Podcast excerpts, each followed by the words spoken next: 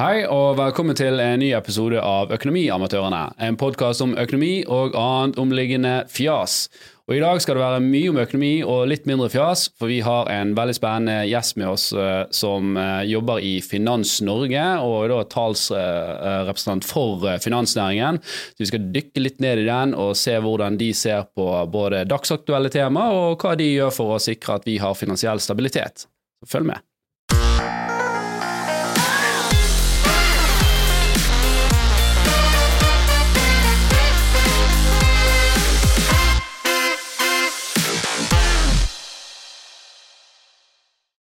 I dag så er det jeg faktisk alene i studio med gjesten uh, vår. Og den, uh, vi har fått en veldig uh, kompetent gjest som har lang fartstid og flink å snakke. Og faktisk, tro det eller ei, så har jeg og denne gjesten vært studiekamerater. Mm. Tom Stovi fra Finans Norge, velkommen. Tusen takk, Alf Gunnar. Det var veldig hyggelig at du inviterte meg hit. Jeg synes det er det er alltid gøy å reise utenfor Oslo, og i dag er det liksom en slags sånn dag i Bergen hvor jeg har en del oppgaver og har noen møter og sånn, så dette var glimrende. Ja, for Oslo er jo finanshovedstaden, men vi i Bergen kjemper jo hardt for at Bergen skal være fintech-hovedstaden. Ja, men det har den vel på mange måter blitt også med Finance Innovation, eh, som ligger eh, rett oppi gaten her. Og, og Fintech Norway og Fintech Norway her. i tillegg. Ja. Så, så, så det, er, altså det, skjer jo utrolig mye spennende i, eh, i, i finansverden på Vestlandet. Det er ikke sånn at vi sitter i Oslo og tenker at det er her alt skjer. Vi skjønner jo at dette landet er stort. Ja, men det er bra. Eh, kanskje du begynner å fortelle litt om hvem er Tom Stovi og, og, din bakgrunn, og så litt om hva er Finans Norge? Ja, eh, jeg eh, kom ut av noen økonomistudier under forrige Altså under den store bankkrisen. Nå høres jeg veldig gammel ut, men altså på begynnelsen av I 1979? Nei, det var ikke, var ikke i 1900 og Nei, men det var i, i, på slutten, på slutten av 80-tallet og inn på 90-tallet så hadde vi jo en stor bankkrise i Norge. Mm. Uh, eiendoms, uh, og det syns jeg folk skal huske på. Eiendomsprisene falt jo med 40% i løpet av et par år.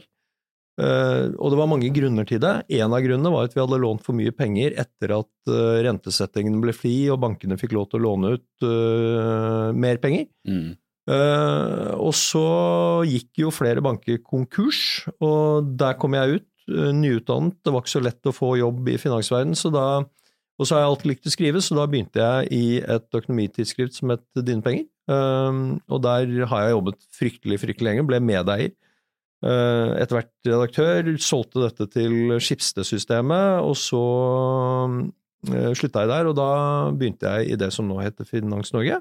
Som er nærings, den liksom næringssammenslutningen av alle forsikringsselskaper, liv- og pensjonsselskaper og banker i Norge, og har også en god del fintech-medlemmer, blant annet Horde. Ja. ja, vi er stolt medlem, vi. Ja, det var um, og, eh, så, så Finans Norge er en brans, bransjerepresentasjon, uh, en bransjeorganisasjon. Um, og det har jo skjedd mye spennende der med ikke bare at man jobber politisk, men òg man har vært gjerne en katalysator for en del samarbeid som har gitt oss mm både ny teknologi og innovasjon som kanskje vi nordmenn tar litt for gitt, men som er litt unik i, i, i, i, i verdensperspektivet. da. Kan du fortelle litt om det? Ja, det er altså, ikke sant, eh, En bransjeorganisasjon eh, jobber jo eh, sånn primært med, med næringspolitikk. Det å sørge for at medlemmene har stabile og gode og like konkurransemessige vilkår på å drive butikken sin i Norge. Mm. Men vi er også veldig opptatt av at konkurransereglene for finans skal være like for alle aktørene som er i det norske markedet. Noen som er i det norske markedet blir regulert fra utlandet, og da jobber vi for at det skal være like regler. Sånn at konkurransen er lik. Det er et veldig viktig poeng. Mm. Eh, og så har jo vi tatt på oss ikke sant, I Norge så har det vært sånn at vi har hatt tradisjon i finansnæringen for å samarbeide om eh, alt som du ikke ser liksom, eh, motoren. Eh, I betalingsformidlingsmarkedet f.eks. så er det et utstrakt samarbeid mellom aktørene, sånn at det der skal spille og gå, og så konkurrerer man i kundeflaten. Ja. Eh, så, og det er jo grunnen til at vi har vært utrolig tidlig ute med, med en, en e-ID-løsning, altså bank-ID, som nå, hva er det, 4,1 millioner nordmenn bruker eh, 40 ganger i måneden eller noe sånt rart i snitt, som jo har gitt grobunn for å kunne lage veldig mange gode digitale tjenester i Norge, ikke bare innen finans, men også inn i det offentlige myndighetsapparatet. Ja, for- Så samarbeider vi, altså, og så har vi samarbeidet om å lage eh, gode betalingsløsninger, sånn at uh, først da nettgiroer skulle spille og gå, og så autogiroordninger, eh, e-fakturaløsninger, alt dette her er laget i et samarbeid mellom alle bankene, og det har også gjort at betalingsformidlingssystemet i Norge er et av verdens billigste. Ja, Så det er billig å betale i Norge kontra andre land. Du sa litt eh, med Banki, da, som jeg tror mange som tar liksom som en forgitt eh, teknologi, men som man ikke gjerne har i mange Sverige har vel noe tilsvarende, og kanskje i andre nordiske land. Men, men det som er litt unikt der, er jo det at én bank utsteder en elektronisk ID, og de andre bankene stoler eh, på den ID-en. Og, og det er ganske unikt. Hvis du drar til England eller et annet eh, land, så, så syns de det er veldig rart da, at man stoler på denne autentiseringen som en annen bank har gjort. Ja, det er, og det er veldig mye vi driver med i Norge som utlendinger syns det er rart. Uh, I disse dager så legger vi jo f.eks. skattelistene åpent ut, sånn at hvem som helst kan gå inn og se på hva hvem som helst tjener å, å skattlegges for. Mm. Dette syns utlendingene, i hvert fall briter og tyskere og sånn, de syns det er bare Jeg får telefoner fra utenlandske journalister som lurer på er, er, det, er, er dette mulig. Mm. Gjør dere virkelig dette? Og for- hvorfor? Men, men til eh, ID-løsning, ja, og det er jo en grunn til nå at EU jobber veldig hardt med eh, det som kommer til å bli en, en viktig del av det som er EUs såkalte digitale agenda, og den er enorm.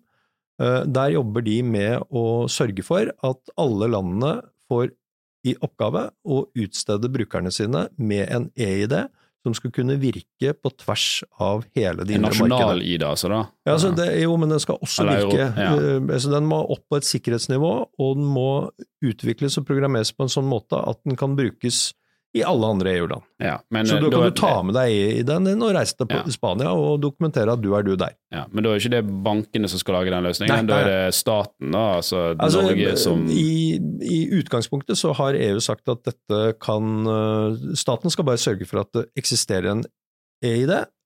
om det er staten som utvikler den, eller om man ber noen private om å gjøre det, det legger ikke EU seg opp i. ja, Men, men det det er er staten setter føringene og reglene for dette. Ikke sant? altså, Men det er godt mulig at ja. eh, den norske EID-en ender opp med at det er bank-ID. Altså, Ja. Det kan være mulig. Uh, Kjempespennende. Eh, hvordan eh, mener du, eller hva, hva syns du liksom, det norske finansmarkedet har eh, utviklet seg de siste årene, og hva trender er det du ser innenfor eh, bank og finans? Ja, det er jo eh, et utrolig stort spørsmål. Eh, jeg tror eh, Ikke sant på, Fokuser gjerne på for forbrukerperspektivet, ja. ikke nødvendigvis dypt nede i motoren til banken. Nei, det, jeg, tror det, jeg, tror det, jeg tror man kan si at det viktigste som har skjedd siden 2008, er at finansnæringen har blitt utsatt for et ganske sånn brutalt, men helt riktig reguleringstrykk, som i første omgang har økt soliditeten. Altså man har måttet bygge mer egenkapital, fordi vi kunne ikke oppleve å få liksom 2008 en gang til.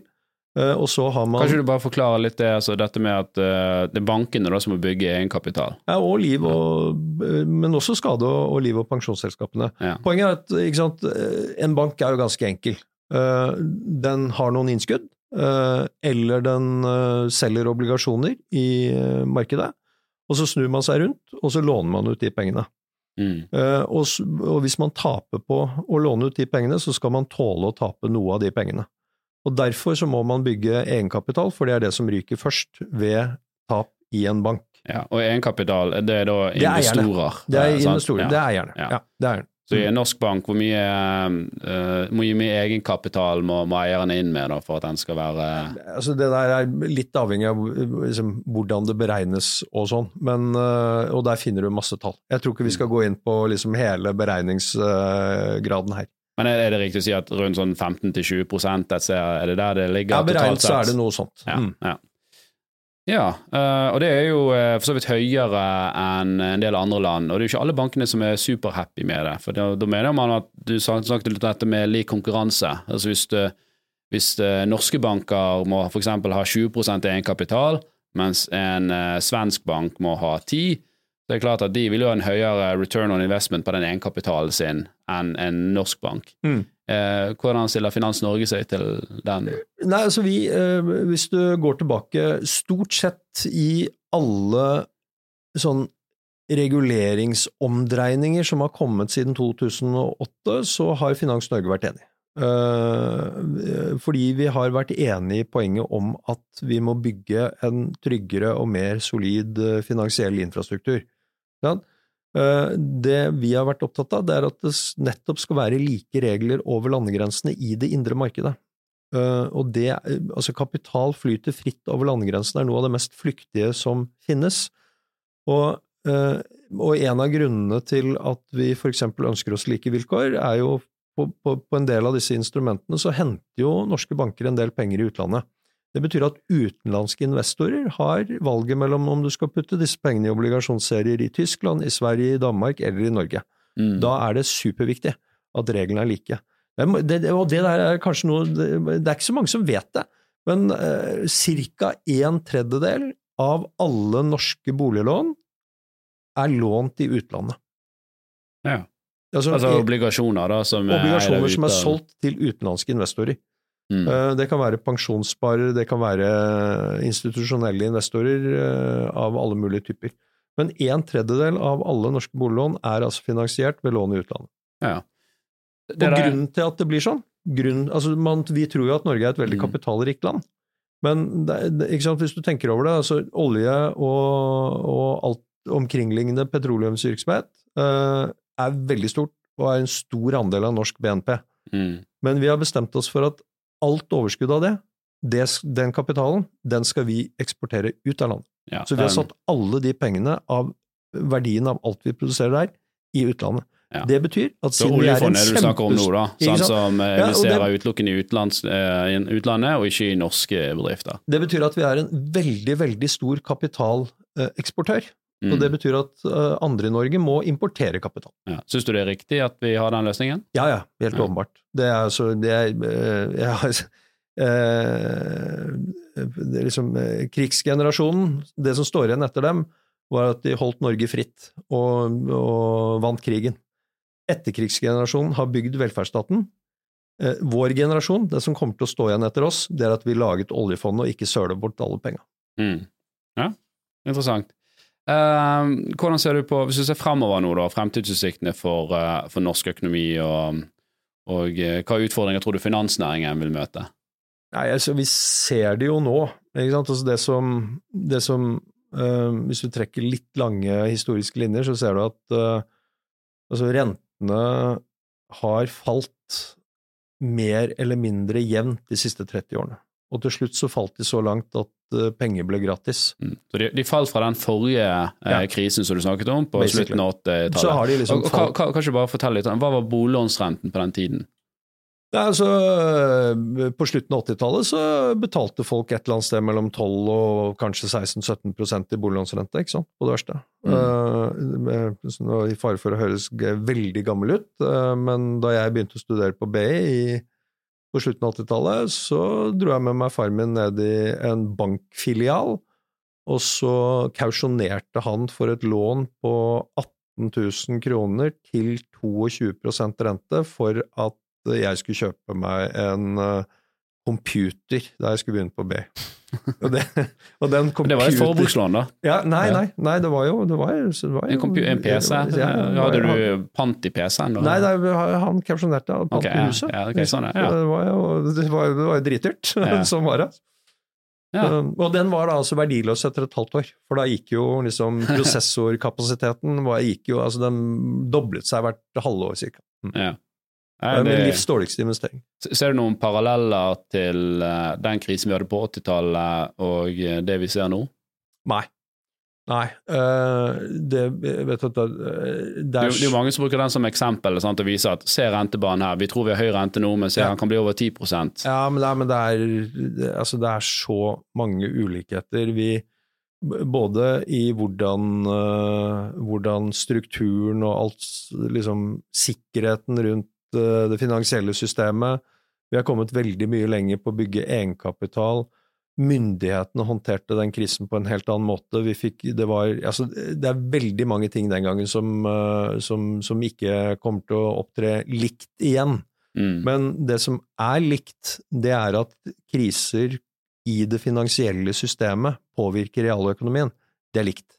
Mm. Uh, uansett hvordan den krisen slår inn og hva den kommer av i det finansielle systemet, så vil den påvirke realøkonomien, og det, uh, så, så, det er jo et likhetstrekk, selvfølgelig. Ja. Og det der er jo, altså Kriser er jo noe som kommer med jevne mellomrom, mm. og uh, det er sjelden den samme krisen som kommer om igjen. For vi pleier jo å lære, ja. og, og, så innfører vi noen reguleringer, og, men så skjer det nye ting, eller det kommer eksterne sjokk, eller, eller hva det måtte være. Hva er det som du ser liksom som den, det største faremomentet i finansnæringen nå, da? Eller generell økonomi, det. Nei, altså, jeg, jeg, det var det jeg begynte å si. ikke sant? Vi har gjennom 30 år, da, eh, så har vi levd med basically en fallende rente inntil den ble null. Mm. Uh, og når penger er gratis, uh, hvilket de nesten ble, for, selv for privatpersoner, mm. Uh, så har vi priset opp det vi kan kalle realkapital. Aksjer, boliger, hytter kunst, altså you name mm. it. Absolutt alt. Ja, det er jo to sider av mynten. For En ene er jo at uh, det kommer gjerne veldig mye ny verdiskapning uh, ut, fordi at det er veldig billig å investere i, i nye produkter og tjenester. Men òg kanskje de eksisterende uh, altså aksjer i eksisterende selskaper og tjenester blir òg overpriset, da, på, på grunn av at man må putte denne kapitalen et eller annet sted. Eller det er en fare for det. Ja. Uh, og, og, du kan jo se hvordan boligmarkedet i Norge har gått, hvor mye hytter vi har bygget. Uh, uh, næringseiendom. Altså, du kan ta realkapitalmarked etter realkapitalmarked, så kan du se at vi har prist opp det ganske kraftig. Mm. og så har vi nå Så fikk vi en pandemi som gjorde at alle verdens myndigheter så seg nødt til å pøse ut enda mer likviditet i markedene mm. for å holde disse hjulene i gang, fordi at verden sto på et tippepunkt, liksom. Syns du det var riktig? Håndterte vi det godt? Altså, det, det, det, er alltid sånn at mm. når man ser seg i bakspeilet, så kunne man gjort noen ting annerledes. Men uh, der og da Noen har jo kritisert denne kompensasjonsordningen som vi laget for norske bedrifter på vei inn i pandemien også, ikke sant? for at den var for rundhåndet. Mm. Uh, jeg mener da må man tenke tilbake igjen til hvor man sto en da man laget den. Da sto man altså på stupkanten. Man visste ikke liksom hva som var på den andre siden når man tok et skritt til. Og da mm. gjør man kanskje ting som Jeg mener de begrepene norske myndigheter har tatt, har vært helt forbilledlig gode. Bare som, liksom legge den da. Mm. Uh, men hvor var jeg? Jo, altså, vi har pusset opp det, ikke sant. Og så kommer da, i etterkant av all denne likviditeten, så kommer inflasjonen tilbake. Sentralbankene svarer Kommer ikke inflasjonen litt på grunn av all den likviditeten? Som er... Jo, jo. Uh, ikke sant. Uh, og nå kommer inflasjonen, og sentralbankene svarer med økt rente. og da kan det jo være at vi skal prise om noe realkapital. Og det er kanskje den store risikoen vi sitter på. Mm. Det, kan du, nå så jeg eh, nettopp det kommentallet at uh, boligprisene var jo svakt uh, opp. Og Så kan det godt være at det er noe av de tallene Det er ikke gått i dybden av det, men det kan godt være at det går svakt opp, men det er veldig lavt volum som, som, som mm. omsettes. da. Um, det, det har jeg ikke sjekket. Men, men hva er det som gjør at selv om nå rentene går opp, så stiger fortsatt boligprisene. Altså, skulle, skulle, vi merker det på vår private økonomi. Jeg vil tro alle andre merker der ute òg. Hva er det som gjør at ikke inflasjonen liksom bremser og boligprisene stuper? Nei, det Hadde jeg visst svar på det, så hadde jeg, tror jeg kanskje kunne fått nobelprisen i økonomi. Eh, jeg syns også det er underlig at de ikke har butta mer i Norge. Mm. Uh, er det fordi vi har brukt vår oppsparte kapital? Det kan være at har, noen har oppspart kapital, det kan være at uh, Og så er det jo ikke sant, Det er jo fortsatt sånn at i en del norske byer så, er, uh, så har vi bygd for lite over tid. Mm. Så disse markedene her er jo styrt av etterspørsel og tilbud. Og hvis etterspørselen er høyere enn tilbudet, ja, så holder prisen seg. Mm. for folk må ha et sted å bo.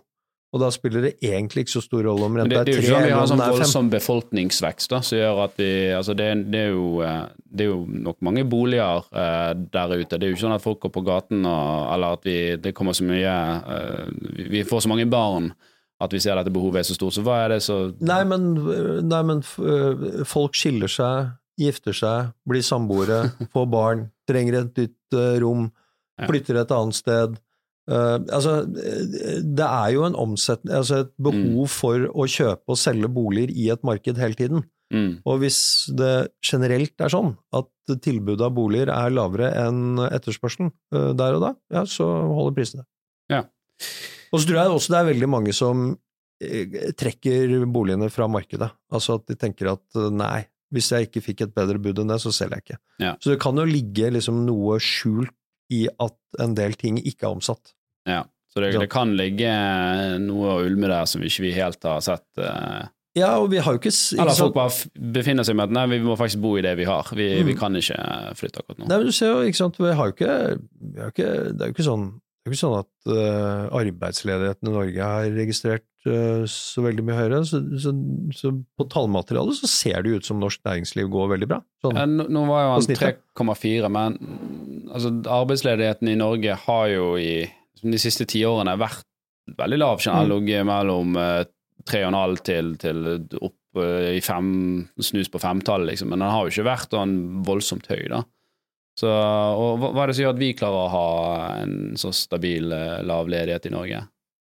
Um, nei, det er jo mange Jeg er jo ikke sjeføkonom i en bank, Ja. men, eh, men eh, jeg tror Vi har jo hatt en ualminnelig god periode i norsk, norsk økonomi siden altså, slutten av 90-tallet. Ikke sant? Det har vi faller jo litt sånn inn i sånn den ene heldige tingen etter den Ja, ja. andre. Ja, det, var, så, det, det, har vært, det har vært en sånn fest i hele den perioden, med liksom eh, oljepris og vekst eh, som har vært på et helt annet nivå. Og vi burde jo antagelig hatt en høyere rente tidligere i Norge, eh, men vi har måttet ta en lav rente fordi at vi har vært opptatt av at krona skal ikke bli for sterk, og hvis vi hadde hatt en veldig høy rente når de andre har en lav Mm. rente, så ville krona blitt fryktelig sterk. Ja. Ikke bra for norsk eksportindustri. Ja, nå er jo problemet det motsatte, at norsk krone er for svak. Ja, det, Eh, det, det, ting snur. Men nå rømmer jo utlendinger. Vi ikke synes at, eh, ikke sant, I alle sånne litt eh, scary tider så er, så er Norge en nasjon, en liten nasjon på, ut, i utkanten av verden,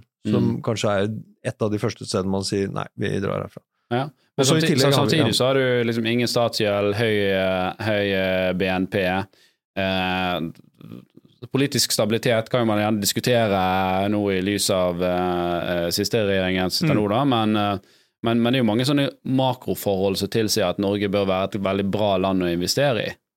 Jo, det, altså, og det, det, det har det vel vist seg at utlendingene har tenkt også. Inntil når det blir litt mer scary, så er vi liksom eh, en av de første altså, Vi er et lite land, uh, ligger på utsiden av verden. Uh, bruker ikke så mye analysekapasitet, kanskje, til å forstå Norge og hvordan norsk økonomi er skrudd sammen. Da trekker man seg heller ut og satser på de litt større økonomiene. Altså, vi, vi, vi er en liten brikke, uh, og, og selv om det er store tall, så er det ikke gjerne store tall i, i den store verdenssammenheng. Nei, Det tror jeg vi kan si. Men veldig spennende. Nå eh, skjer det jo mye teknologisk innovasjon eh, for tiden. Vi Mm. har eh, AI, vi har uh, cyberangrep, vi har kryptovaluta. Hva gjør liksom finansnæringen for, for å ruste seg eh, mot dette? Uh, altså, en, en del av uh, En del av våre medlemmer jobber jo med eh, mye av liksom uh, Jobber jo enten sammen med eller uh, har kjøpt seg inn i fintech-type virksomheter. Så det skjer jo ganske mye på den fronten hos de ulike medlemsforetakene. I Finans Norge så jobber jo vi med å forstå nytt regelverk, og hvordan det skal implementeres i Norge, og være, liksom, prøve å være en, en, en god samtalepartner for norske myndigheter når dette regelverket skal implementeres i Norge. Og, der, og det kommer jo regelverk på alle de tingene du nevnte her. ikke sant? På Mm. krypto så kommer Mika, på cyber så kommer det noe som heter Dora, på på fintech har vi fått noe som heter PST2 og flere andre ting. Eh, så, og det kan man bare fortsette å ramse opp den digitale agendaen til EU. Ikke sant? Vi fikk Mm. personvernforordning, vi, vi, vi, vi skal få en sikkerhetslov altså, det, det er, det, altså Denne agendaen er svær, altså. Mm. jeg kan bare si at det, altså, De som nå sitter i EU, de har bestemt seg for å virkelig gjøre vei i vellinga på den digitale agendaen, og gjøre det fort. Mm. Eh, tenker du at det er noe som sier, heter at det blir liksom for mye byråkrati med alt dette her, og at både innovasjon og, og det blir litt, litt, for rigide systemer? Ja, men det er altså Det der er, det der er litt um, uh, Jeg tror de fleste av oss som har lest et EU-regulativ, kan oppleve at det er at, at, det er litt overveldende rigid og, og mm. byråkratisk, kanskje.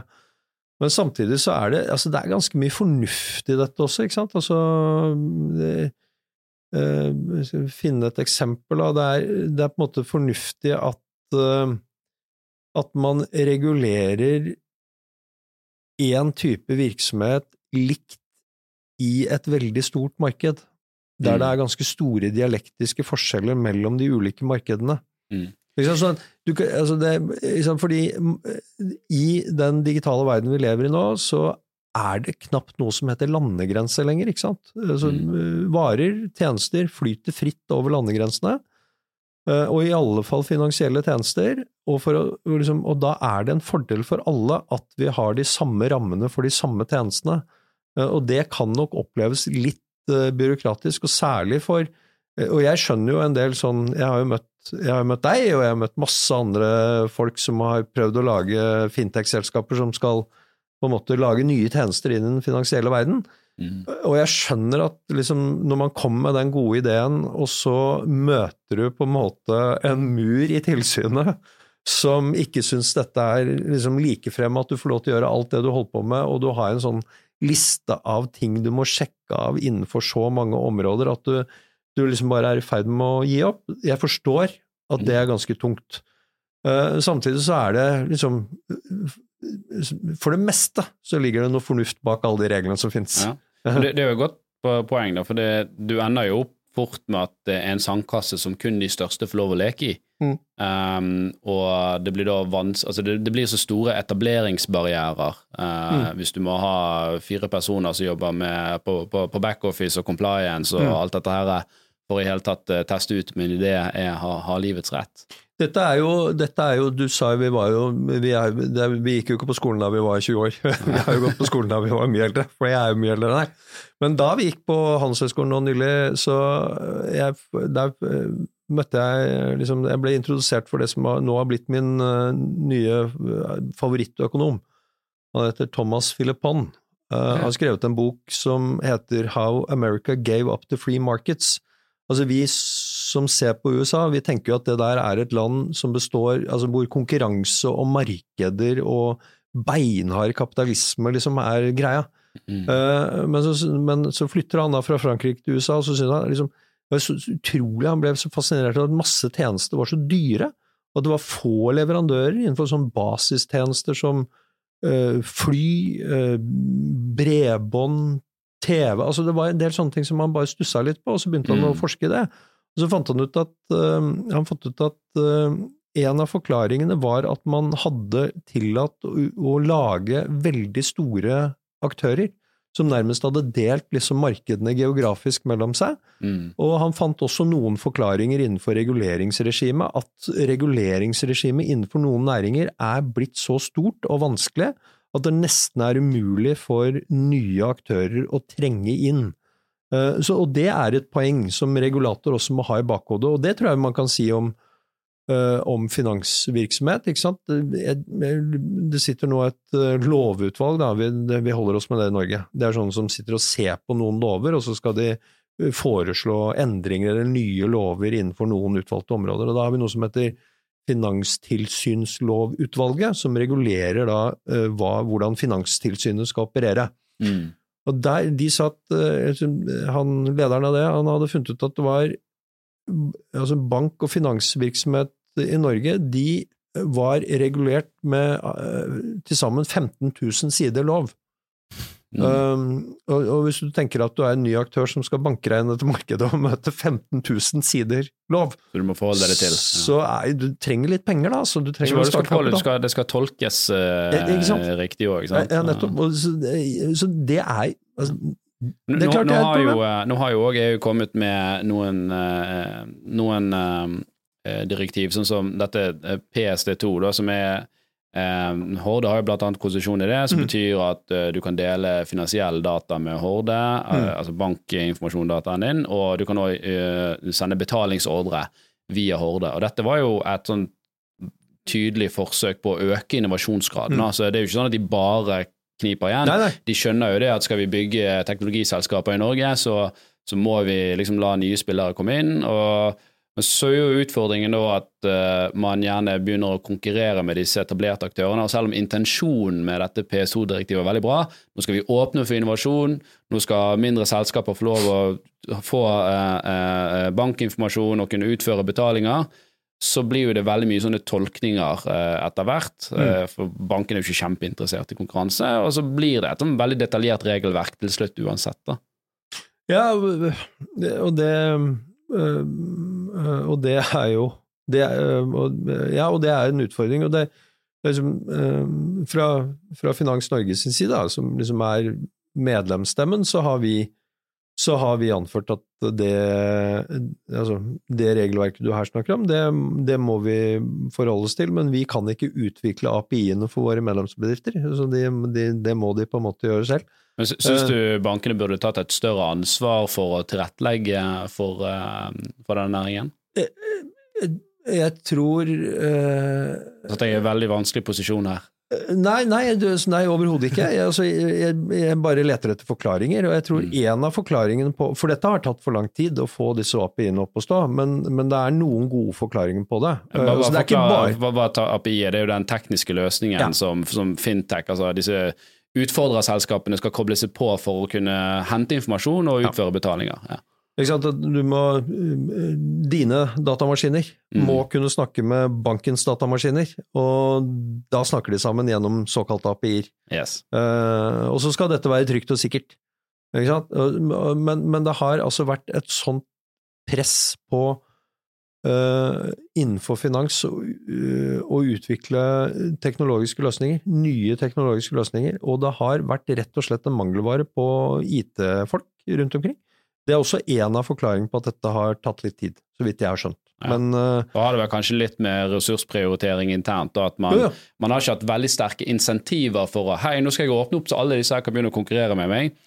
Eh, mens da er det litt mer uh, ja, naturlig at man bruker ressurser på andre ting som bare i større grad ganger uh, deg, da, deg selv. Ja, det, kan du, det kan man tenke og tro. Jeg, tror ikke det er helt sånn, men Det, jeg det, tror er jo klart, men hvis det, når man, Du snakket nettopp om denne her ordningen man hadde under korona, hvor dere på et par uker snakker, nei, par, par måneder snekret sammen en kompensjonsordning med, med samråd med bankene. Nå er PC2 på snart fjerde året her, sant? Og, og, og det fungerer. Det er fortsatt ingen banker som er helt uh, oppe og leverer der de, der de skal. jeg har ikke helt oversikt, eh, men eh, mitt inntrykk er jo at eh, altså Jeg trodde at disse API-ene var samlet inn, og at det fantes selskaper som faktisk hadde samlet alle disse API-ene hvor du kunne kjøpe dem derfra, men det, dette Det, det, det er det til en viss grad, men, men eh, kvaliteten av de. eh, Ok. Det mangler fortsatt mye funksjonalitet. Eh, og vi har jo brukt enormt mye tid og ressurser, altså Horde da, og mange Mm. andre uh, fintech-selskap har brukt enormt mye ressurser på å være testlabbe for bankene og liksom rapportere tilbake her er feil, her er feil, her er feil. Ja. Og det jo, har jo vært litt, eh, litt synd, for det har jo tatt ressurser som vi skulle bruke til uh, utvikling, så har vi tatt det for å utvikle og være testlabbe for banken uh, Ja. istedenfor. Ja. Men så er det også et poeng, da, vet du. Ja. Det er Som eh, et eh, bank... Altså, bankene er utrolig opptatt av sikkerhet. Og det ser vi nå. Eh? Eh, De største tapene i bankene nå Men du sa jo at det skal være lik regulering for, Ja, ja, for alle, og vi er jo regulert men- om å følge IKT-forskriften, vi også. Så er det sånn, vi er opptatt av sikkerhet og skal ha Ja. lik regulering, men vi må passe på dere, selv om dere òg må forholde dere til samme kan- regelverk. Jo, men det kan du si, men, men, men poenget er at eh, når, når jeg logger meg på min bank, så har jeg et kundeforhold til den banken. De vet hvem jeg er. Mm. Eh, hvis en eller annen logger seg på eh, denne banken gjennom deg, så eh, har du et skritt imellom som Det er jo fortsatt en kunde i din bank, da. Eh, men- Og du vet at Horde har konsesjon Ja, til å gjøre akkurat denne tingen.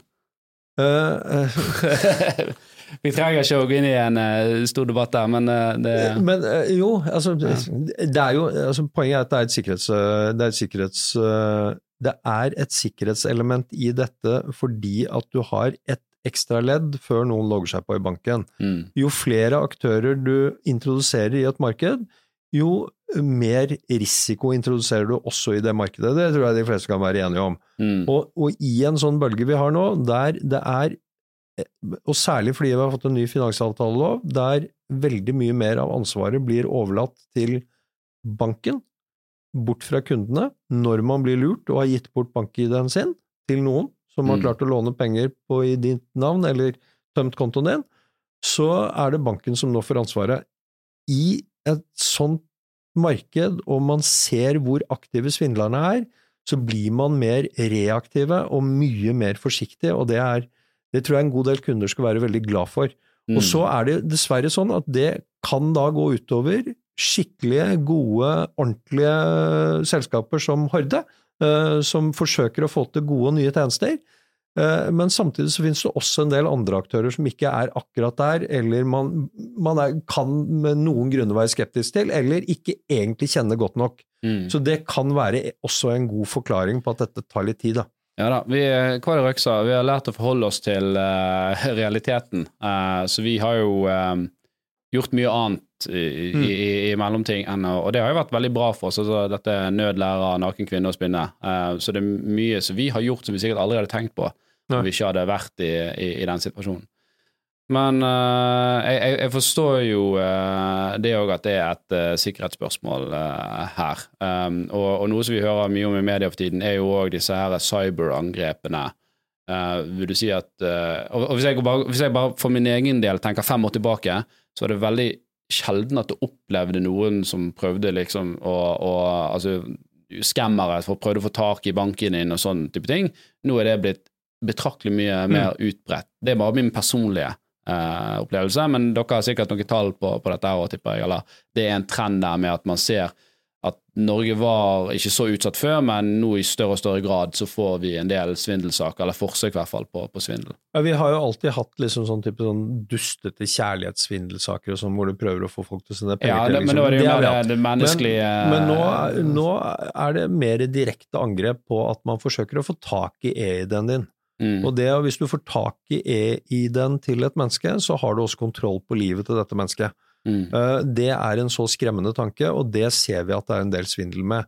Og nå bruker disse svindlerne utrolig avanserte kunstig intelligensmetodikk, ikke sant? Jeg hørte nettopp et tilfelle hvor eh, noen hadde brukt stemmemanipulering, eh, sånn at en bestemor da, eh, hadde fått eh, telefonoppringning fra det hun trodde var sitt barnebarn, men med stemmemanipulering, og hadde gitt eh, bank-ID-en til dette barnebarnet. Um? Fordi at hun Mm. klarte ikke å skjønne at dette ikke var barnebarnet som ringte. mm, Og, altså, vi er kommet dit. eh. Og da, altså, nå, det, det gjelder nå å være fryktelig forsiktig, og alle som jeg, kan, jeg tror ikke jeg kan få sagt dette mange ganger nok. Altså, aldri gi bort passordet til e-ID-en din til noen. ja, til bank-ID-en. Altså, ja, sant? Aldri! Mm. Ikke gjør det! Uansett hvem du tror det er som ringer deg, eller sender deg en mail, eller står og banker på døra. Bare ikke gi den bort! Mm. Ferdig! Så slipper du å bli svindla. Og og et veldig sånn generelt prinsipp når det gjelder IT-sikkerhet, er at hvis noen kontakter deg, om det er banken eller en annen finansaktør, eller hva det måtte være, Legg på røret. ja, eh, eller hvis du i hvert fall eh, De spør om type ting som gjør at liksom antennene dine heises litt. Legg på røret, og så du, finner du nummer, du googler, du går på hjemmesiden deres, finner nummer, og så ringer du tilbake igjen. Mm.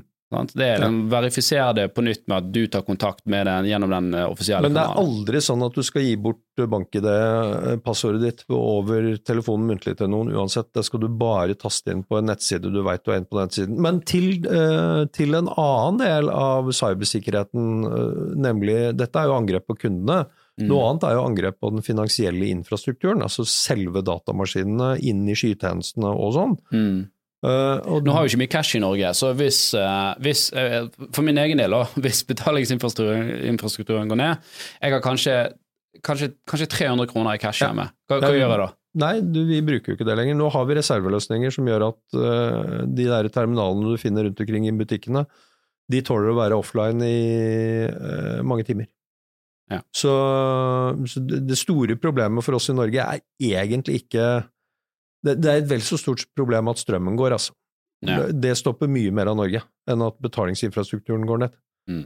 Uh, vi, hadde, vi, har hatt noen tilfeller. Vi hadde et tilfelle her for i fjor hvor uh, Jeg skal ikke gå inn på det, men da fikk ikke noen handlet varene sine på Vinmonopolet uh, 16. mai i tre timer. Uh, og, Mm. det, og det var en sånn en oppdatering av noen datamaskiner et sted. Uh, men rene angrep på norsk digital infrastruktur og finansiell infrastruktur er en del av den kritiske infrastrukturen, og det er noe som i stor grad antagelig kommer fra eh, Kreml eller uh, russiskvennlige hackergrupper. Mm. Eh, og det har man sett en god del av Hvorfor gjør i dette her? Europa. Hvorfor ønsker de å angripe oss? Altså, Forklaringen på det er jo at de ønsker å ta ned tjenester for å skape mistillit, uh, usikkerhet eh, og sånn, og det er en del av den hybride krigføringen som er vår nye virkelighet, egentlig. Mm. Eh, hvis du hører på Jens Stoltenberg, så er han veldig opptatt av digital krigføring som et ledd i den krigføringen man ser f.eks. i Ukraina. Mm. Ja. Um, så det er, vi, vi lever altså i en helt ny tid, og vi må venne oss til at vi lever i den nye tiden. Det er, jo det, som er, det, det er ikke det at digital infrastruktur er noe nytt, men, men det som er litt nytt, er at nå går liksom angrepene, angrepsmetodikken Det er blitt veldig det- profesjonalisering det, det innenfor er det. ja. profesjonalisering, og man har teknikker, altså kunstig intelligens, som gjør at uh, du kan gjøre ting du ikke var i stand til å gjøre tidligere. Mm. Og det er, altså det er en litt skremmende tanke, selvfølgelig. Ja. Um, nå var jo det nettopp en eh, et par banker, tre banker var det vel, hvis Mm. ikke det er enda flere nå, som har gått uh, over ende i eh, Eller tatt under offentlig administrasjon i, i USA, og det Mm. skapte jo en sånn bølgeeffekt inn i Europa, og da annet Credit Suisse, som eh, nå ble vel kjøpt av eh, UBS. eh. Mm. Um, og vi, vi så til og med norske banker, DNB sin, sin kurs eh, gikk ned, og, og det som var litt uh, interessant der, var jo at vi så at krypto, altså bitcoin, ethereum og sånt, det steg jo ganske eh, Mm. bra. Det var, det var det første gang for min del i hvert fall jeg har sett en sånn tydelig motkorrelasjon mellom den etablerte, tradisjonelle finansnæringen og, Mm. og, eh, og krypto. Og ellers har jo krypto egentlig svingt veldig mye med eh, Mm. aksjemarkedet. Eh, så hva, hva tenker finansnæringen eh, om, om krypto, og føler man seg truet av dette? Eh, til eh, eh, Nå var det jo litt spesielle forhold som gjorde at den SVB, altså SV, Silicon Valley Bank, gikk Mm. over ende. De hadde, hadde en veldig sånn altså, det De var tatt høy risiko på den innskuddet de Superhøy hadde risiko på både utlånene, men de hadde ikke tatt høy risiko på innlånene, eller der de hadde plassert pengene, overskuddslikviditeten. Ja. Men eh, de hadde satt dem i lange obligasjoner, eh, og Ja. glemt at når rentene eh, stiger, så faller verdien på dette. Og når kundene da begynte å ta ut penger, og de måtte begynne å selge de obligasjonene, så tapte de penger. mm, Og til slutt var egenkapitalen tapt. Credit Suisse har hatt problemer over lang tid etter å ha gjort dumme ting tidligere. mm, Så, så, de på en måte Det det er litt tilfeldig at de kommer med i det dragsuget nå. Eh, Det jeg hører fra mine medlemmer, er at de har ganske Eller har kontroll på, på Altså, de er helt rolige. mm, Det er, det er ingen i norsk banknæring nå som er veldig urolig for det som skjer rundt seg. mm, Eh, likviditeten er god, eh, og på alle mulige måter man har kontroll på balanse og risiko. Sånn at, og, og det kan man jo også lese av kommentarene som kommer fra ulike banksjefer rundt omkring i Norge. Men det, det er vel ingen banksjef som går ut og sagt at det, er- Nå er jeg- ser, det ser litt dårlig ut her. Nå sant? ser da dårlig ut, må komme og løpe og ta ut pengene dine. Nei, men, men, men, men, det, men det henger jo på at man over tid har bygget uh, soliditet. Uh, mye høyere grad av transparens på hvordan balansene ser ut. Sant? Tilsynet er jo på bankene hele tiden og sjekker disse forholdene. Eh, Det er krav til likviditet, sånn at de kundene som vil ha ut pengene sine, får ut pengene sine. Mm, Så liksom hele det rammeverket gjør at det er veldig mye mindre sannsynlig nå. Man kan selvfølgelig aldri avskrive at noe kan skje i fremtiden, men det er veldig mye mindre sannsynlig nå at vi får en stor krise eh, à la det vi har opplevd tidligere. mm, Men til kryptospørsmålet ditt. ehm, altså, øh, som du vet, så har jeg vært opptatt av krypto lenge. Jeg har fulgt bitcoin siden whitepaperet kom i januar 2009, tror jeg det var. Uh, og skrevet og tenkt og sett og snakket med folk og holdt kontakt med kryptomiljøet helt siden den gang. Og, og nå begynner det å bli ganske lang tid. Mm. Altså, vi snakker altså fra 2009. Ja, det er jo altså, Det er- lenge før jeg eh, visste krypto var en ting som eksisterte. liksom. Ja. Altså, hvor dette har eksistert som fenomen. Mm. Eh, og fortsatt så er det sånn for meg eh, at jeg leter etter tjenester der krypto er det underliggende eh, verdiobjektet som er en bedre tjeneste enn det vi har allerede i dag. Mm. Jeg har ikke avskrevet at det kan finnes. Jeg bare sier, jeg har fortsatt ikke møtt den tjenesten som egentlig er bedre enn det vi har i dag.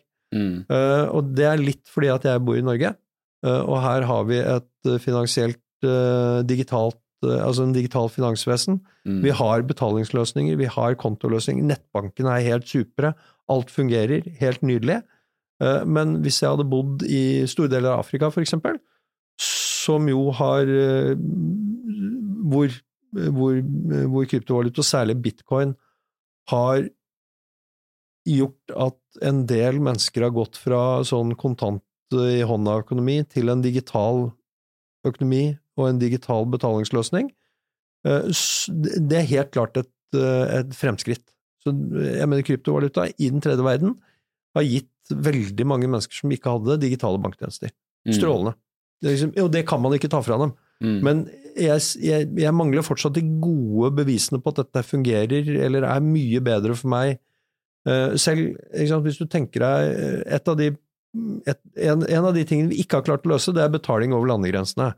Det er fortsatt veldig dyrt i verden. Det Mm. sende, hvis jeg skal betale noe til noen som driver butikk i Brasil, koster det masse penger, for du skal innom mange banker på veien. Mm. Eh, men selv der så syns jeg ikke liksom uh, kryptoverden har gjort dette veldig mye enklere og bedre for meg.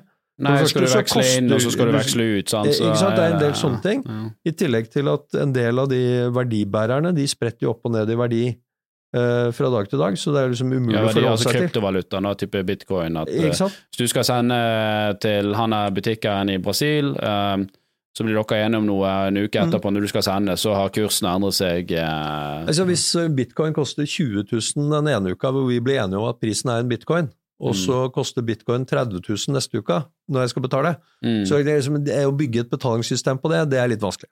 ja. nå, nå svinger jo valutakurs generelt i verden òg, men kanskje ikke så mye. Nei, Eh, men det kan man, det kan man jo sikre, da, hvis det, liksom, hvis det er store beløper og sånn. Men ja, kanskje eh, man gjør det med bitcoin òg, da. Jo, det kan helt sikkert, finnes sikkert noen instrumenter for det også. Ja. Men jeg tror jo at en del av disse transaksjonene er ganske dyre fortsatt, da. Men, uh, Men, men, men det jeg tror, da, det er jo uh, uh, Det å være helt sånn på det desentraliserte nett, altså innenfor Mm. krypto det å, Jeg tror mange ville synes det var ubehagelig å Hvis du hadde én million kroner, eh, det sto i bitcoin, og det var på denne harddisken din, eller du hadde dette passordet. Mm. Hva skjer sant, hvis eh, du mister denne, blir frastjålet? Du har jo et veldig sånn begrenset forbrukervern der. da. Mm. Så Det kan jo være vi fortsatt vil ha banker, men tror du banker vil da ta en større rolle i, innenfor krypto òg etter hvert, og oppbevare disse eh, trygt? Ja, altså hvis, hvis, hvis det begynner å komme tjenester her som er eh, hvor man ser at kryptovaluta har eh, på en måte når et større marked, da. Det liksom et bredere jeg, gi noen eksempler. da. Altså, for eksempel aksjebok i dag er jo Ja. litt sånn knotete greier. Ja, ja. Eh, Da er det et Excel-ark igjen hos en bedrift, eh, og kjøp og salg, og det er sluttsedler, og hei hvor det går. Sant? Så man kunne jo Man ser jo at mange eh, verdienheter lettere kunne vært flyttet, og det kunne vært mer transparent for alle hva Mm. situasjonen var, var da. Hadde for eksempel eh, SVB, da, hadde eh, denne Silicon Valley Bank, hadde alle deres eh, verdier vært i krypto, som man kunne se på, uh, på blokkjeden, så kunne jo bare tilsynet i USA bare satt, satt og monitorerte og sa oi, nå har denne her falt så mye verdi her, Mm. her må vi gå inn og, og gjøre noe. Så her Ja. er det et typisk sånn use case hvor man gjerne kunne ja. ja. Eh, men men, men eh, jeg, jeg mangler fortsatt å se at det er et use case som er noen har laget. Ja. Uh? Og, det, og, og jeg er helt enig i at det kunne være et use case. Og, uh, jeg må si noe av det mest besnærende jeg har kommet over innenfor den kryptoverdenen, er jo det alle drømmer om, som de kaller Web 3. mm, i- Tanken syns jeg bare er helt ma eh, altså magisk god. Det at man kan lage en nettverden basert på blokkjedemodeller der man kan bypasse alle store aggregat, eh, aggregatorer av dataeierskap, hvor du eier alt om deg selv, verifisert på blokkjeder, og du må ha en eller annen form for verdiobjekt som får dette til å spille, Mm. og det antagelig er en eller annen form for token eller kryptovaluta eller noe sånt, som da er enableren for å lage Web 3.0. Altså, kjør på. Eh, Det syns jeg er så fascinerende å tenke gjennom, at eh, der har du et use case hvor du faktisk vil måtte trenge eh, en eller annen form for pengeverdi som er på en blokkjedemodell og tokenisert. Mm. Men man kan jo tenke seg at man tokeniserer bankkonto Nå blir vi veldig tekniske, Mm. men man kunne ha tokenisert bankinnskudd, altså bankkontopenger også. Det Mm. kunne man. Ja. Så, så, så, så man må ikke liksom kalle dette eller at det er bitcoin eller kryptovaluta. Eller, altså, det, det kan være de vanlige pengene, eller det kan sågar være digitale sentralbankpenger laget av uh, sentralbankene rundt omkring i verden. Og det det er jo en liten sånn parallell at det er, litt, det er litt vanskelig å se for seg hvordan det skal være. Man skjønner at det er et godt use case, og, og for meg så tenker jeg tilbake på Det var sikkert eh, det var i 96 eller 97. Min, min tante hadde fått PC, og hun hadde fått uh, internett. Uh, og det var Alta Vista man kunne Mm. søke på. Jeg bare, og dette var så Ok, men hva faen skal jeg gjøre her, da? Ja. Sånn, det var liksom, Ja. Jeg kan søke på ting, ja, ok, det er veldig begrenset med informasjon Ja. ute. Så det var sånn dette var gøy i nøyaktig tre minutter, og så Mm. visste jeg ikke helt hva jeg skulle bruke det til, og så var det der kommer ikke til å bli noe. Sant? Og nå i dag så er det sånn helt utenkelig. Uh, hvis du mister uh, internett hjemme her i, i to timer, sånn, så blir du helt uh, Mm. invalidisert. Ja, du er avstengt fra resten av verden. Ja. TV-en gikk ikke. Så det blir jo veldig spennende å se om hvordan dette er om gjerne ti år, da. eh, om, om det faktisk har fått uh, blitt realisert. Du, jeg tenkte vi, skulle litt innom uh, personlig økonomi òg. Mm. Uh, Det er jo noen temaer hvor jeg vet du har uttalt deg om. Blant annet I mitt tidligere liv. Hæ? Ja, i mitt tidligere liv så uttalte jeg meg mye om dette. i det, som Finans Ja, har jeg det? Ja, Ja, ja. remind me. særlig, på dette med pensjon. Ja. Uh, du har jo denne IPS, individuell pensjonssparing, Ja. uh, blant annet, uh, som var en ordning hvor man fikk en form for skattefradrag i dag mot at man låser pengene til pensjon i framtiden. Og så ble jo den redusert nå, da. Så, så hva, hvilke liksom, tips har du til nordmenn i dag hvis de skal ha sin pensjonssparing og, og forberede seg for framtiden? Nei, jeg, eh, eh, altså jeg har eh, helt siden jeg begynte å skrive om økonomi, så har jeg en sånn fire- eller fempunktsplan som jeg syns er vel verdt å fortsatt Den er veldig enkel, så jeg kunne skrevet en økonomibok på én side. Så dette, dette er en handlingsplan for Ja. privatpersoner? ja, Ok, det, kan- som- gir- gir- gir den til oss det nå? første du skal gjøre, det er å fjerne dyr dustegjeld. Ja. Det skal du ikke ha. Forbrukslån og, Nei. og ting som Bare- ikke ja. det, du skal ikke ha det. Eh, og så skal du sikre inntekten din altså- Hvordan gjør man det? Med en eh, type uføreforsikring. Livsforsikring. Mm. Kjempeviktig. Eh, et gjennomsnittsmenneske, hvis du regner på gjennomsnittslønnen, livslønnen til et gjennomsnittsmenneske, så er det nå liksom litt avhengig av om du skal neddiskontere eller hva det måtte være, da. Men hvis du sier at du skal jobbe i 40 år, og du tjener en halv million, så er livslønn 20 millioner kroner. Mm. Du tjener mer enn det, så er den over 20 millioner kroner. Ja, Hvis du- ja, hvis du blir mer enn det, ufør- for du vil jo få en lønnsstigning ja, sant? etterveis, Så hvis du blir ufør halvt uti det løpet, så er tapet ditt 10 millioner kroner, kanskje. Ja. Det er kanskje dobbelt så mye som leiligheten din uh, Mm. i verdi. Uh, og du forsikrer denne leiligheten. Du bør forsikre den inntekten også. Det er skritt to. Men tar ikke staten vare på det, da? Jo, så du får jo en uføreforsikring, selvfølgelig, Mm. men den dekker ikke veldig mye av livet ditt. Så eh, jeg bare sier, altså dette er, Du spurte meg om hva- Ja, hvilke råd jeg vil gi. jeg spiller bare Ja. litt tilbake jeg, at Ja. eh, Jeg ville, jeg ville sørge for å sikre inntekten min med en skikkelig uføreforsikring. Ja. Så Det ville jeg tenkt da, men eh, mange arbeidsgivere har det, så det må du tenke på. Så må du få kontroll på boliggjelda di. mm. Det betyr at du må få den ned på et nivå, og der har jeg sagt at uh, jeg har alltid tenkt sånn at uh, hvis jeg blir midlertidig uten øh, arbeidsinntekt, altså enten fordi at jeg er syk eller langtidssykemeldt eller et eller annet sånt rart, eller jeg er in between jobs eller liksom midlertidig arbeidsledig, Mm. så skal jeg ha, alltid ha nok penger til å uh, betale rentene på det lånet. Altså at inntekten min Da er du økonomisk fri, for da kan ingen ta fra deg boligen din. Så det er et veldig viktig Ja, poeng. men det, det spørs jo hvor lenge du uten Altså, hvor, skal du ha gjøre det i én måned, to måneder, f f- seks måneder? Hva, hva, Nei, altså, du er fri. eh, Det er sånn, hva er grensen på midlertidig uten jobb? Ja. si at du må klare det i et år, da. Ja. Altså at du har at, at de stønadene du får, dekker rentene, i hvert fall gjennom det året. Altså at du har råd til rentene. Mm. Og så må du da be om eh, en form for eh, avdragsutsettelse, Ja, det, det, må, altså, og det får du jo. Hvis du er midlertidig uten inntekt, så får du avdragsutsettelse i banken. Ikke sant? Ja. Så du skal, og, og, og det er viktig at du får gjelden ned på det nivået hvor den er kontrollerbar. Mm. Nå kan du begynne å tenke på annen type sparing.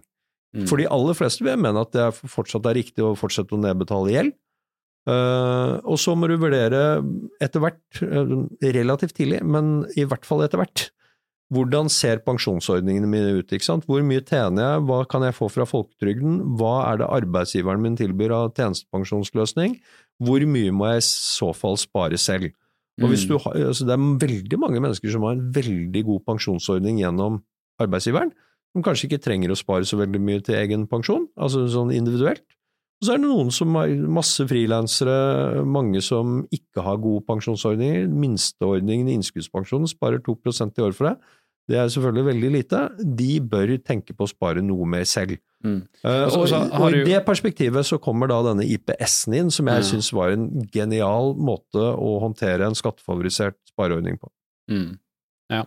Og den, den ble jo redusert. Uh, Jeg syns det er helt ja. uh, kritisk av denne regjeringen å angripe spare, spareordningene. Først så tok de IPS-en, og så har de ødelagt uh, BSU. BSU. for ungdom også. Jeg, jeg, jeg bare forstår ikke motivasjonen. På, så på ene siden så sier man liksom at vi må, hive, vi må ha inn mer penger, for vi skal ta vare på deg, og så går helseministeren ut og sier også at uh, i fremtiden så må du være klar på at du må ordne mer sjøl. Men vi tar fra deg en del av de verktøyene så du kan gjøre dette med. Men nå var det landsmøte nylig i Senterpartiet, eh, og eh, landsmøtet i Senterpartiet tror jeg vedtok at man skulle øke grensene i BSU-en, og så skulle man også introdusere noe som het skattefavorisert gårdssparing for ungdom. Gårdssparing. Ja. GSU. ja. Ja, det, er, det er veldig gøy. Interessant. Det, det treffer sikkert veldig bredt. Ja, det, er, eh. det er liksom i avdelingen hvor Senterpartiet går det an å bli. Ja. Ja. Nei um, Hva tenker du at uh, et, et problem som vi har uh, at Vi jobber jo med dette her, da, men eh, det er jo at den finansielle forståelsen blant folk eh, er lavere enn det den var Mm. før. Sant? For du, du slipper å lære deg ting. Sant? Du, og du blir dårligere med tall, for du slipper å huske telefonnumre og den Mm. type ting som du måtte før. Så hva kan nordmenn gjøre, eller hva kan finansnæringen gjøre for å sikre at eh, nordmenn har den finansielle forståelsen og kan ta beslutninger for sin egen personlige økonomi?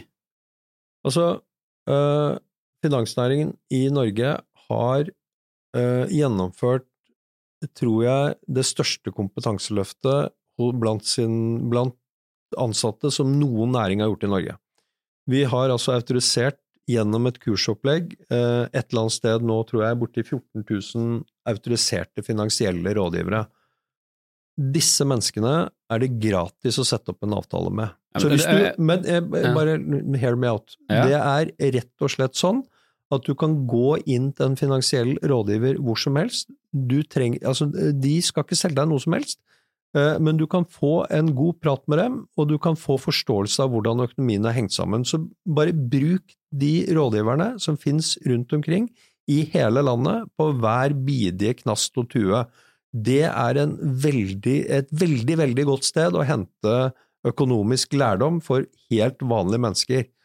Eh, og du kan, eh, du, du kan sette opp en avtale med en bank du ikke er kunde i engang. De vil jo selvfølgelig forsøke å få deg til å bli kunde i denne banken. Mm. Flytte engasjementene dine dit og, og litt sånne ting. Eh, Naturligvis. Men du må ikke. Altså, Mm. Det er faktisk mulig å gå inn og snakke med disse rådgiverne og, få, og, og bare suge av kompetansen deres. Det er et supert sted å hente læring hvis du lurer på noe. Mm. Og ikke vær redd for å ta kontakt, liksom. Det er, jeg mener, De er jo kjempeglade for å få lov til å øse ut eh, det de har av kompetanse. Mm. Det er et av de viktigste stedene private i Norge kan hente kompetanse. Eh, Jeg kan ikke tenke meg det er noe annet sted som er bedre enn det, ellers må du lese det opp på nettet. da. Altså For det norske skoleverket er jo helt borte. De, Det var det jeg skulle fram til. Mener du at det bør mer inn i, uh, i i det norske skoleverket? Det er alltid sånn at hvis du har uflaks, eller hvis du velger feil foreldre, så kan du komme skeivt ut. Mm. Og det gjelder på alle livets områder. Enten det handler om at foreldrene er rike eller fattige, eller om det handler om at de ikke har kompetanse, eller ikke er gode i matte eller norsk, eller hva det måtte være. Uh, og Derfor har vi skoleverket, som liksom skal forsøke å få alle opp på et supergodt nivå, og liksom gi like muligheter til alle. Mm. En av de tingene vi ikke lærer veldig mye om i det norske skoleverket, er jo å håndtere egen økonomi.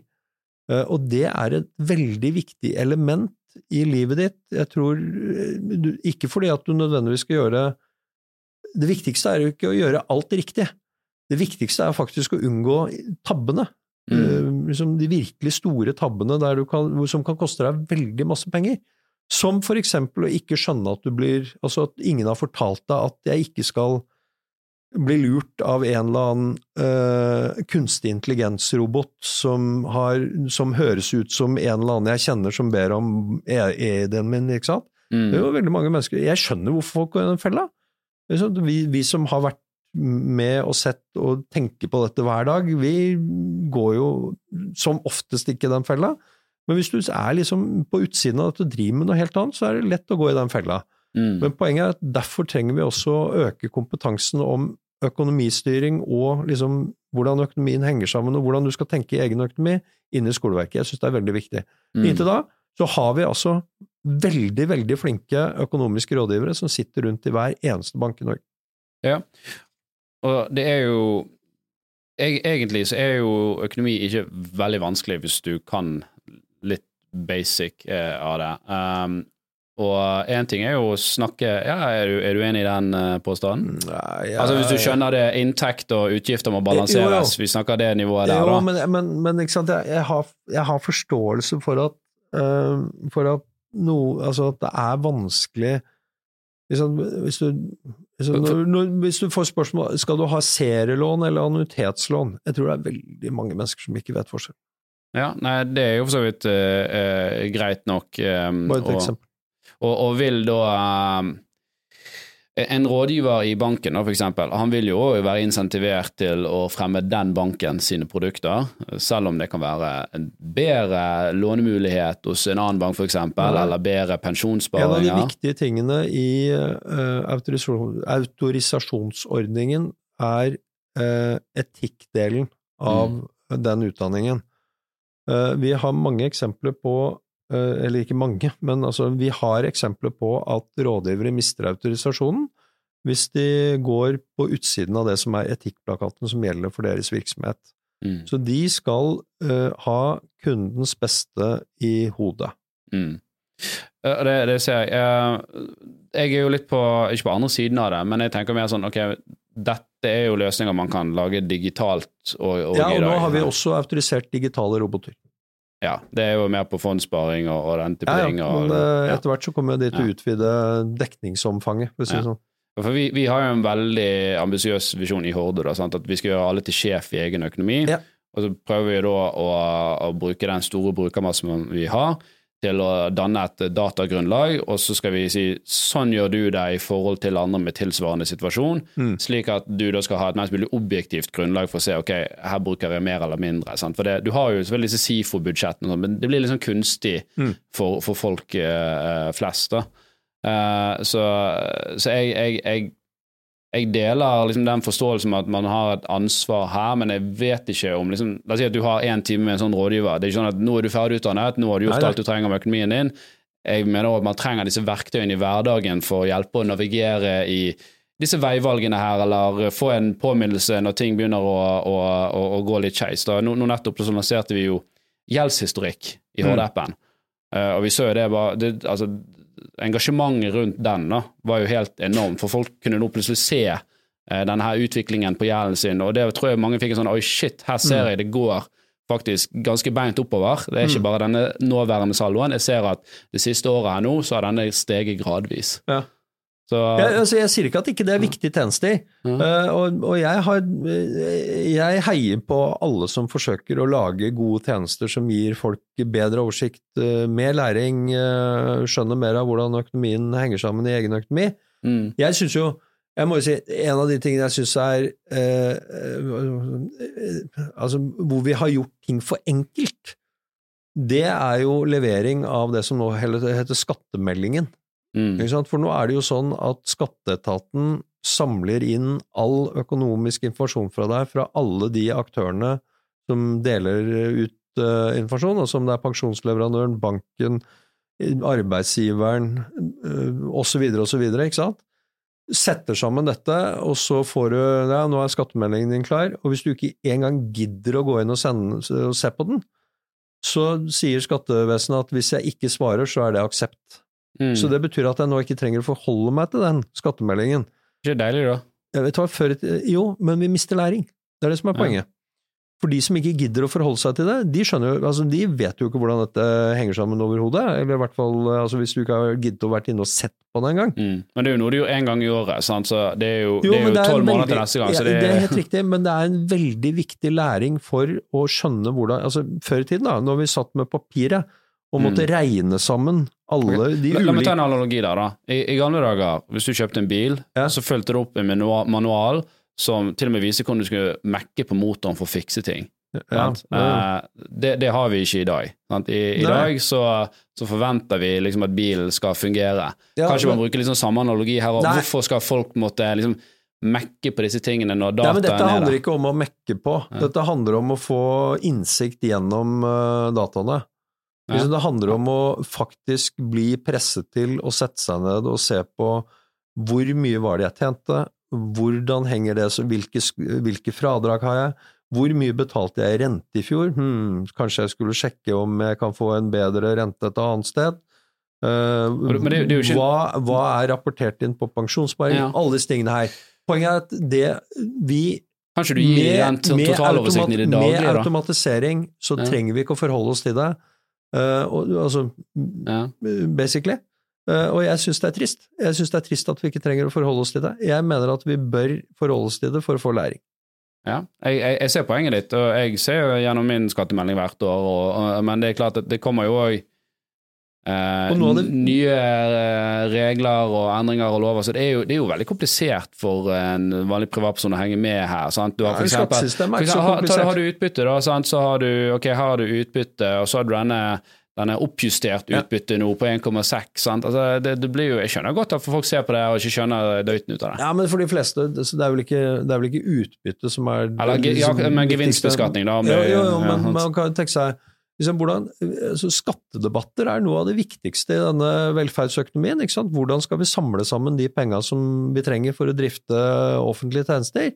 Men, men Men trenger vi de pengene kan- når vi har liksom oljefondet Ja, tjente 1000 milliarder ekstra Ja, ja, i fjor, eller hva ja, det var? ja, det er en veldig lang diskusjon, men jeg, jeg tror svar på det er ja. Eh, Så kan vi diskutere nivået på hvor mye vi trenger.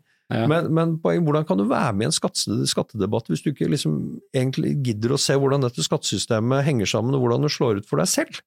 Det synes jeg er veldig rart. Ja. Så det, jeg mener man må ned i de detaljene, og det hadde vært nyttig om folk hadde begynt å gjøre. Ja. Så der, der er også et veldig viktig sted å hente læring. I hvert fall én gang i året. Gå gjennom økonomien din, se utviklingen fra i fjor. Har det blitt bedre? Har det blitt dårligere? Uh, og se litt på utvikling over tid. Jeg tror det er viktig, altså. Ja, det, det tror jeg vi begge er enige om, men jeg tror man kan gjøre det mer enn en gang i året hvis du gir forbrukere Ja, ja. de riktige eh, verktøyene. Ja, og, og, og hvis dere i Horde hadde klart for eksempel øh, hvis, vi nå, hvis vi nå får Open Finance, da, Mm. som liksom er noe helt annet enn det du har mulighet til å gjøre med dine API-er i dag. Hvis vi hadde fått Open Finance som gjorde at du kunne tilby meg å hente absolutt all informasjon om min økonomi, og det gjelder ikke bare fra banken, men fra, liksom fra hvor mye jeg tjener, Forsikring, fra A-etat, forsikring, ja. pensjon, skadeforsikring, hele dette greiene, og fremstilt dette i et lekkert dashbord, hvor jeg kunne fulgt dette fra dag til dag eller time til time. Og fått varslinger hvis det var ting varslinger. som eh, Altså, du jeg hadde blitt kunde til. med en gang. Ja, Det hadde men- vært altså så fantastisk hvis noen klarer å gjøre det. Open Finance, når er det det skal implementeres, da? Det, det, det er jo et sånn buzzword som uh, ligger i, liksom, i, litt sånn i den digitale agendaen i EU, så jeg er litt usikker på når det skjer. Ja. Men, Det er så er, men så er det jo spørsmålet hva er det de mener når de sier open finance? Mm. Er det bare flere bankkontier, eller er det liksom everything? Ja. I prinsippet så kan du ha Open Finance i dag, for det er du som eier din data hos bankene. Det er jo personvernslovgivning. Ja. Så du kan jo ta kontakt med Virksomhet bank, og de plikter å gi all informasjon i løpet av, av 30 dager. Men her vil jo da være at man har en tredjepart som har konsesjon til å innhente denne informasjonen på Ja. dine vegne, og da kan samstille det. Er dette, er dette liksom frykten for uh, finansnæringen eller banknæringen, for da mister man kundeflaten? Uh, nei, det tror jeg ikke. Uh, jeg, Helt, altså- helt ærlig med Ja, ja, jeg tror jeg, eh, jeg tror eh, Jeg tror eh, Altså eh, det, er, det er godt mulig det kan bety større Altså færre små og større enheter i banknæringa i fremtida. Det kan det jo selvfølgelig Mm. bety. Eh, Men, men jeg tror ikke jeg, tror de aller fleste banker skjønner at det kommer til å komme store endringer i det markedet de opererer i. Ja. ja, for det er jo en ting, selv om vi har den konsesjonen som vi har, så er jo ikke vi en bank. Så vi Nei. må jo samarbeide med banker. Vi, vi ønsker å samarbeide med banker, forsikringsselskaper, pensjonsselskaper og alle disse her, for det vi har vi er jo bare en, en, det som kalles en plattform. Sant? Vi har jo skrevet Mm. oppgaver om dette her i, i studiene våre. Sant? Så, så, så vårt eh, mål er jo bare å ta informasjonen, formidle det, legge fram beslutningsgrunnlag, og så trenger vi banker og forsikringsselskaper Mm. og pensjonsselskaper til å levere de tjenestene som, som vi skal tilby, og så vil vi da prøve å, å navigere på en eller annen måte hvilke tjenester vi, vi anbefaler for hvilken, hvilke Ja. kunder. da.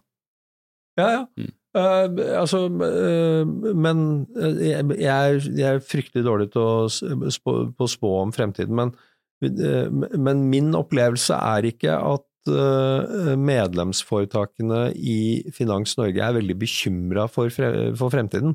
Mm. De er teknologioptimister. Det utvikles mye gode tjenester i, også hos etablerte finansaktører, og vi ser et ganske godt samarbeid mellom nye og etablerte aktører. Så spørsmålet om hvem som kommer til å bli vinneren i fremtiden, om det er en etablert aktør som etablerer seg som en sånn informasjonsgenerator, det kan det jo selvfølgelig være, eller aggregator, Mm. Eh, men det kan også være en ny aktør, og om den nye aktøren da blir kjøpt av en etablert aktør, eh, det er det jo ingen som vet. Ja. Så det er, et eller annet med at eh, så, altså Det viktigste er at det er konkurranse, og at nye ideer får lov til å boble opp, og at det faktisk er eh, reelle nyvinninger for forbrukerne som kommer til markedet. Det, er vi jeg er begge to veldig veldig enige om. Da tror jeg vi må runde av der. Eh, Tom Storvi, utrolig kult at du tok deg tid til å komme her i dag og fortelle oss litt om finansnæringen og alt som skjer der. Det var en veldig informativ uh, podkast, og eh, ja, Ja, vi snakkes på. Vi gjør det. Tusen takk for at jeg fikk komme. Ha det bra.